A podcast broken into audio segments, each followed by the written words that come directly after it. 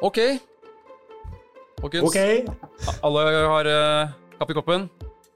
Hei, alle sammen. Ikke Velkommen til denne utgaven av Bouvet bobler. I dagens sending skal vi snakke om AI og data science, hva det er, hvordan man bruker det, og hvorfor det blir et stadig viktigere verktøy for organisasjoner og bedrifter.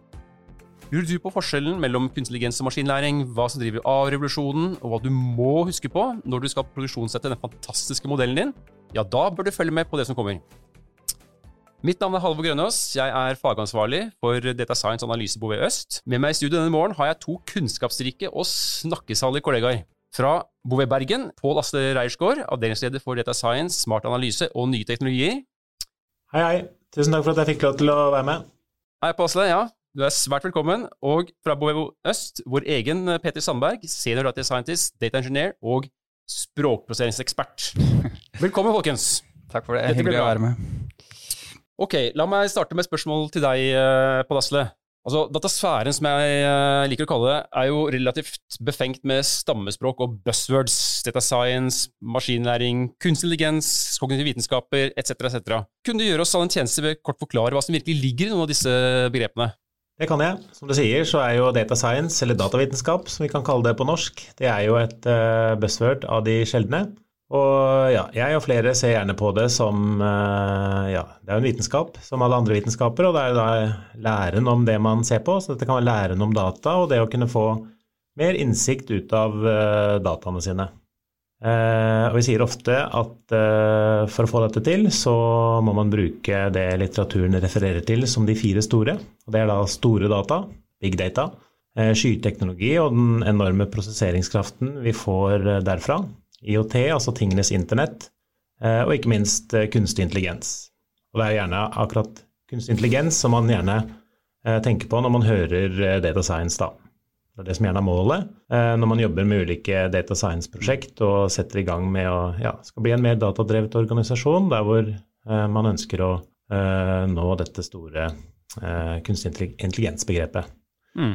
Og Det er jo også et buzzword på lik linje med data science og datavitenskap, så hva ligger egentlig i kunstig intelligens? Og Mm. da, eh, som man roper ut i skogen, får man svar, men uh, igjen kan man vise til litteraturen og hva som skjer uh, rundt dette for tiden. Og da er det jo gjerne uh, Vi har to forskjellige, kan dele opp i to forskjellige kunstige intelligenser, og da har vi gjerne det som heter generell kunstig intelligens.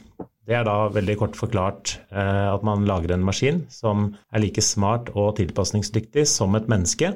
Det er fortsatt litt sci-fi. Eh, robotene kommer ikke til å ta over eh, det neste året. Men vi snakker også gjerne om det som man kaller for smal kunstig intelligens. Og det eksisterer massevis. Og det er da en form for kunstig intelligens som gjør ting like bra eller litt bedre enn et vanlig menneske. Som meg og deg. Mm. Har du noen gode eksempler på denne type kunstig intelligens? Oh, det er massevis. Eh, når vi jobber med kundene våre, så ser vi på ulike kunstige intelligenser. Eh, på vei så kaller vi det gjerne kunstig intelligens når eh, vi kan da eh, utvikle et system som er i stand til å analysere seg frem til en endring i atferd basert på data. Eh, Vi har system som tilpasser seg, lærer og utforsker basert på den eh, inputen av data vi kan gi systemet. Eh, Vi har system som kan påvirke omverdenen med ulike styringssystemer. Det er veldig mange som f.eks. har en Google Home hjemme som man kan prate med og få han eller henne til å utføre ulike funksjoner. Eh, Vi har også systemer som håndterer komplekse problemstillinger som man før måtte ha mennesker eh, til å utføre. Da. Det kan Mm. være alt fra prosessering av mindre og større datamengder til mer avansert analyse, som vi var litt inne på der.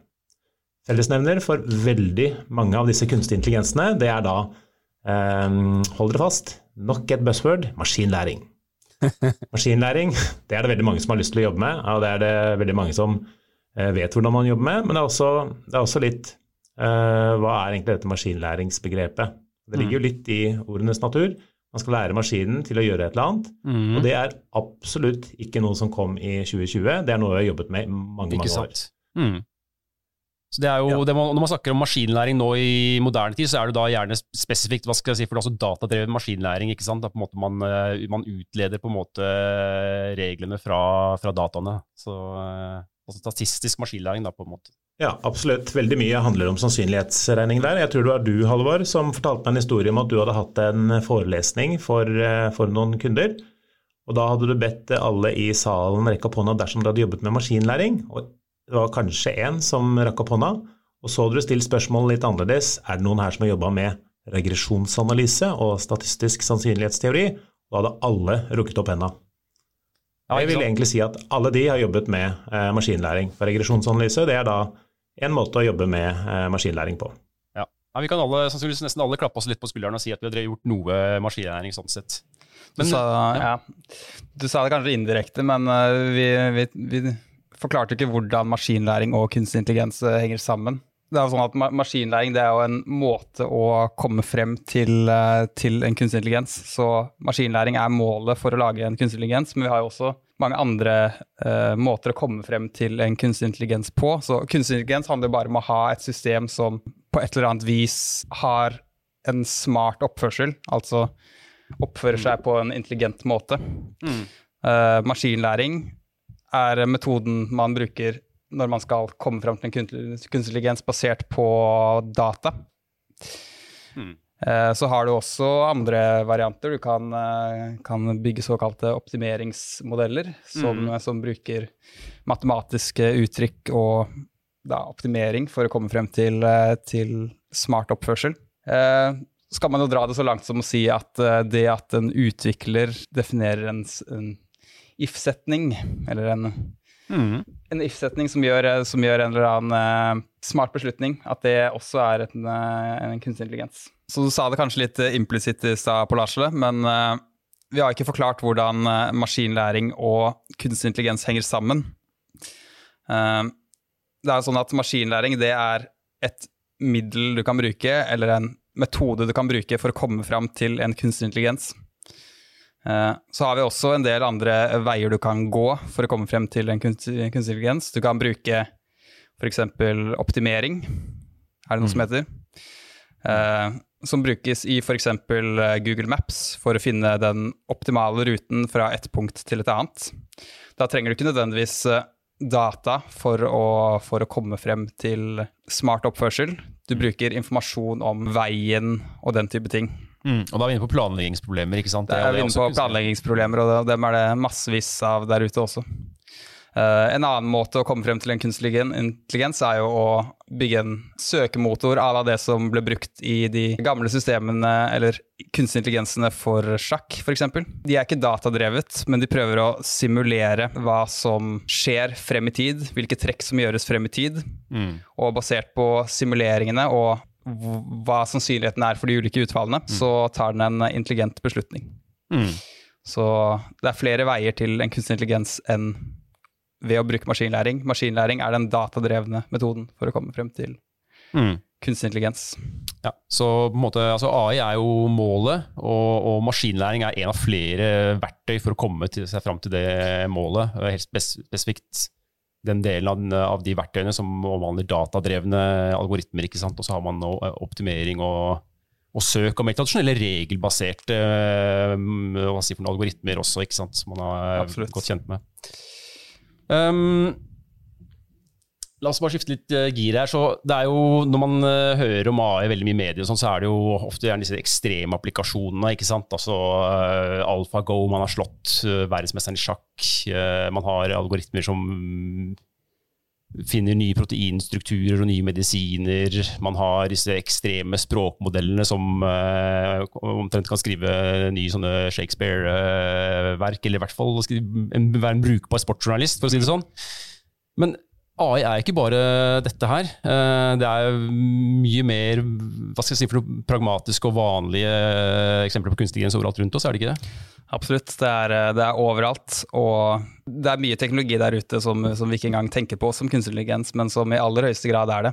Hvis du bare tar utgangspunkt i smarttelefonen din da, og ser på de appene du har på hjemskjermen din der, så kan jeg nesten garantere at eh, 80-90% av de eh, i større eller mindre grad inneholder, eh, inneholder en eller annen form for kunstig intelligens. Så jeg var inne på Google Maps f.eks. De bruker optimering for å finne den optimale ruten fra punkt A til punkt B. Eh, Yr bruker modeller for å, for å predikere hva været kommer til å bli. Snapchat bruker det for å putte fine filtre på toppen av ansiktet ditt. Google bruker det for bl.a. Uh, talegjenkjenning. At du kan snakke til telefonen din, og så skriver den det ned som uh, tekst, eller fanger det opp som tekst. Mm. Uh, mailen din klassifiserer uh, innkommende e-post som spam eller ikke spam. Og dette er jo alle eksempler på, på bruk av kunstig intelligens da, som uh, man, kanskje ikke, man kanskje ikke tenker på som, som, kunstig intelligens, fordi det har blitt så vanlig. Mm, ikke sant. Jeg syns det der er litt sånn interessant. så Bare som en sånn sidebemerkning så har jeg liksom notert meg ting at at kunstig intelligens som fagfelt da, er, jo, er, jo, litt spesielt på den måten at folk føler liksom litt at når et problem er blitt løst, så er det ikke lenger kunstig intelligens. Nei, Det er det rett. Det, det, er bare en, det er bare en språkmodell, eller det er bare et slags tabelloppslag. eller I realiteten så er jo det der bare en, en eh, kurvetilpasning som finner en sånn eh, optimal splitt mellom to forskjellige klasser, ikke sant? Ja, ikke sant. Så det er jo noe, noe som er litt sånn eh, spesielt med å jobbe innenfor dette fagfeltet. Uh, ja, F.eks. bildebehandling, da, så, sånne ekstreme ting som var ekstreme applikasjoner for få år siden, som jo nå er litt kommoditisert. Mm. Så sånn sett så føler man jo litt at det blir liksom litt offer for sin egen suksess. altså Det at det er blitt så vanlig og så utbredt. Ja. Uh, føler folk, gjør at folk føler at det liksom er blitt normalisert, ikke sant? Uh, den magien forsvinner liksom litt, men det er fremdeles det løser det samme problemet som det gjorde dagen før. ikke sant? Så det er litt morsomt, uh, syns jeg. For det har jo vært veldig mye sånn opp og ned med kunstig intelligens. Gjennom årene så har det jo liksom vært et veldig hett topic, og så på en måte har det vært veldig mye hype rundt det, og så har det kanskje ikke alltid levert på forventningene, og så har det snødd litt ned igjen, og man har gått inn i det man gjerne kaller en sånn slags AI-vinter. Uh, hva, hva, tenker du om det? Er vi, er vi, der nå, eller hva vil fremtiden bringe? Veldig interessant det du sier der. Historisk sett så har vi jo snakket om AI-vintre og AI-somre, hvis vi skal eh, være det. Og det er jo som du sier at det er veldig stor hype. Altså 50-60-tallet så var det veldig stor eh, hype rundt dette her. Da hadde vi ikke eh, regnekraften, hvis vi skal kalle det det, i disse stordata, eh, stordataene de brukte da. Så det, det, døde litt ut, og man kom inn i en liten dvale knyttet til AI og uh, kunstig intelligens. da. Det var en ny hype uh, 80-90-tallet. Da trodde man at man skulle ha selvkjørende biler, og at man hadde hus på Mars eh, tidlig 2000-tallet.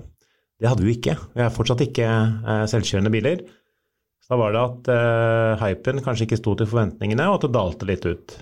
Mm. Så er det noen som nå har vært inne på tanken om at det er veldig stor hype rundt data science, kunstig intelligens, maskinlæring etc. nå.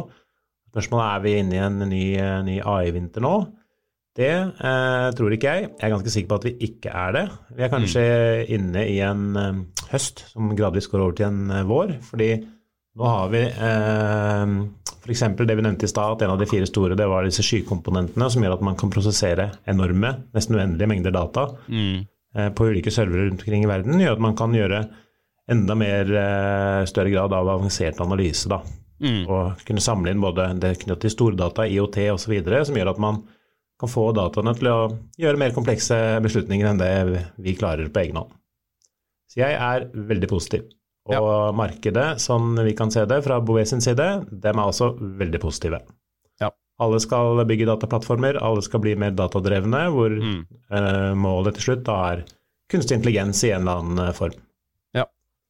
Nei, jeg tenker også at det er blitt veldig altså er, Du har på en måte, som Petter også var inne på her, eh, kunstig intelligens på en måte overalt nå. ikke sant? Du, de forbedrer brukeropplevelser i alle mulige applikasjoner og, og løser problemer som man ikke tidligere kunne gjøre. og Ikke bare har du det consumer tech, men du har det også liksom i altså, eller consumer elektronikk, det er masse biler og og fly og eh, sant, mobile støvsugere overalt, egentlig. Og det er kanskje noe som er litt forskjellig da, fra de forrige AI-hype-cyclene, eh, hvis man skal kunne kalle det det.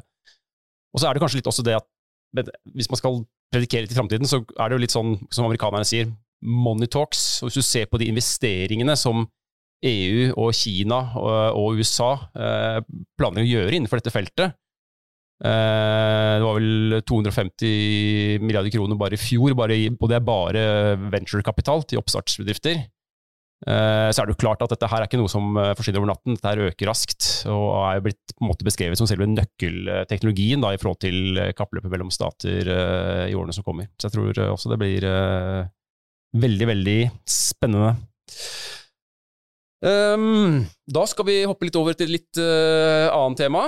Um, og det er litt mer sånn uh, rundt uh, de praktiske aspektene ved, ved kunstig intelligens og, og, og, data science. og da tenkte jeg skulle henvende meg til deg igjen, Petter. Så første gang, Nå har vi snakket litt sånn løst og fast om applikasjoner osv., men fra et, la oss starte fra et veldig sånn overordnet nivå. Uh, hvis du skal på en måte grovt kategorisere dette her, hva er det egentlig man bruker uh, AI og kunstig intelligens til? Vi kan jo definere tre sånn overordnede bruksområder. Eh, sortert etter hvor automatisert det er, og hvor store krav det stiller til, til deg som utvikler for å få dette robust og, og godt nok. Men også sortert etter hvor mye gevinst, hvor mye tid og kostnad du kan spare på å bruke det her. Da. Så det første nivået som vi kan definere, er jo analyse og innsikt. Eh, mm. Nivå to, eh, beslutningsstøtte. Og det endelige målet for de aller fleste, automatisering. Så hvis vi mm. tenker oss en, en matbutikk da, for eksempel, som ønsker å komme i gang med data science for, eh, for å skape noe verdi, så kan vi tenke oss at et naturlig første steg for dem vil være å gjøre noe analyse og innsikt for å få informasjon om hva som kjøpes, mm. når det kjøpes og i hvor store mengder. Og vi ser at allerede der så har du hentet en del, en del gevinst, ikke sant. Mm. Da, har, da, da, har, du oversikt over hva du skal uh, kjøpe inn, eller du, får, du, har i hvert fall en idé da, hva du skal, skal, kjøpe inn og i hvilke mengder. Mm. Uh, Neste steg kan da kanskje være at du lager en motor for å foreslå hva som skal kjøpes inn, i hvilke mengder og når det skal kjøpes inn. Mm. Og så tar et eh, menneske beslutningen om, om de endelige innkjøpene. Mm. Da er det på beslutningsstøtte? Det er beslutningsstøtte som er eh, skal si, nivå to. Og det, det, endelige målet, kanskje det mest eh, kostnadsbesparende og mest effektive, er jo å helautomatisere hele denne prosessen. Så en modell gjør prediksjoner om hva som skal kjøpes inn, hvilke mengder og når. Og i tillegg gjør disse innkjøpene. Riktig. og jeg tenker, ok, Du snakket om altså automatisering. Um, uh, for jeg tenker på Når man skal ha slike datadrevne uh, hva skal jeg si for noen systemer, og da særlig da jo høyere opp du kommer i grad av autonomi ikke sant, i forhold til hvor mye av beslutningsprosessen for eksempel, systemet tar mm. versus uh, menneskene, Eh, er det noen sånne spesielle utfordringer som man må, må, tenke på rundt dette her? Du sa jo nøkkelordet der. da. Nøkkelordet er jo at disse systemene er eh, datadrevne. Og så mm. må man ikke glemme at disse systemene er jo IT-systemer som alle andre IT-systemer, så man må fortsatt ha på plass alle både ikke-funksjonelle krav og funksjonelle krav som stilles til et uh, tradisjonelt IT-system. da. Mm. Så av ikke-funksjonelle ting så må du jo du må passe på at systemet ditt er robust. At eh, det er oppe og kjører når du behøver det. Mm. At det er skalerbart. Eh, at eh, det ikke tryner når det får for mange brukere, dersom det kan, kan være tilfellet. Ikke minst må det være vedlikeholdbart, for det er jo utviklere til syvende og sist som skal utvikle og videreutvikle disse modellene. Mm. Så det er jo disse ikke-funksjonelle kravene pluss ganske mange andre må, må være på plass for at uh, systemet skal være godt nok. Mm. I tillegg så må du ha alle disse uh, funksjonelle tingene som, uh, som, er på plass i et hvilket som helst IT-system. Du må ha tester for koden din, mm. du må ha kildekontroll, du må ha konfigurasjon og kode på plass for bygg og utrylling. Du må ha en plattform hvor tingene dine kan kjøre. Mm. Du må logge, monitorere og varsle på, på alt dette her. Og du må selvsagt ha ting for backup og gjenoppretting og alt dette her. Mm, så maskinlæringssystemer og kunstig intelligens sånn, det er IT-systemer? Det, er det, det, sier, og det må håndteres deretter, ikke sant? Ja, du, du, kan ikke bare se på det som noe annet, for det er ikke noe annet. Det er IT-systemer med litt ekstra. Og det litt ekstra er jo det du sa, det er jo at de er datadrevne. Mm. Så, Hva slags utfordring er det rundt det at det er datadrevet? Nei, så i motsetning til tradisjonelle systemer, da, som bare de bruker data, de transformerer data og de viser frem data, så er selve kjernelogikken i maskinlæringsbaserte systemer det er jo disse maskinlæringsmodellene som, eh, som trenes opp på historisk data, og som brukes for å gjøre prediksjoner på ny data. For mm. å forutsi fremtiden eller mm. en eller annen ting. Um, og det er jo denne, er denne dataen som er den eh, kompliserende faktoren. Mm. Fordi data er eh, levende. Den gjenspeiler et eller annet virkelig Mm. fenomen eller en eller annen eh, virkelig prosess. Og vi vet jo at eh, virkeligheten den er full av forandring, og den er full av feil. Mm. Uh, og det er kanskje dette som er den største forskjellen fra når man, når man bare leker litt med maskinlæring på bakrommet, og når man skal produksjonssette en modell. At når man bare leker litt med maskinlæring på bakrommet, så har man kanskje en fil som inneholder det jeg kaller død data. Altså data som har blitt eh, dumpet ut, og som bare ligger der og ikke forandrer seg. Mm. Eh, relativt enkelt å jobbe med, fordi du vet, du vet alle de rare tingene som, som finnes i dette døde datasettet ditt. Mm. Det er jo ikke tilfellet i det hele tatt med virkelige data. Den, eh, den kommer fra virkeligheten, og virkeligheten forandrer seg. For så er det ofte en Virkelig data er jo å gjenspeile ofte en eller annen forretningsprosess, f.eks. For eksempel. og vi vet jo at alle organisasjoner er i, er i forandring. De forandrer både hvordan de er organisert, og hvordan prosessene fungerer. Så hvis du har laget eh, en eller annen modell for å f.eks. predikere hvor en henvendelse skal ende opp, hvilket team som skal løse en eller annen henvendelse fra en ekstern kunde. Mm. Hvis organisasjonen endrer seg, så må jo nødvendigvis også modellen på et eller annet vis eh, endre seg. Mm. Jeg skjønner. Så på en måte det som, eller En av de tingene som gjør dette her til så utrolig kraftig verktøy, nemlig at det er, på en måte er adaptivt, Mm. det i seg selv, den dynamikken, på en måte fører til at du må ta spesielle hensyn. ikke sant?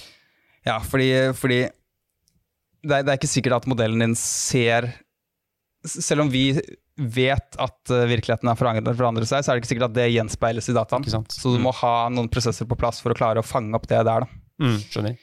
Hvis folk har lyst til å vil lære mer om dette her, eh, Peter eh, Vi er jo glad i buzzword, som sagt, innenfor eh, dette domenet her. Hva Er det noen spesielle eh, nøkkelord som de kanskje kan slå opp?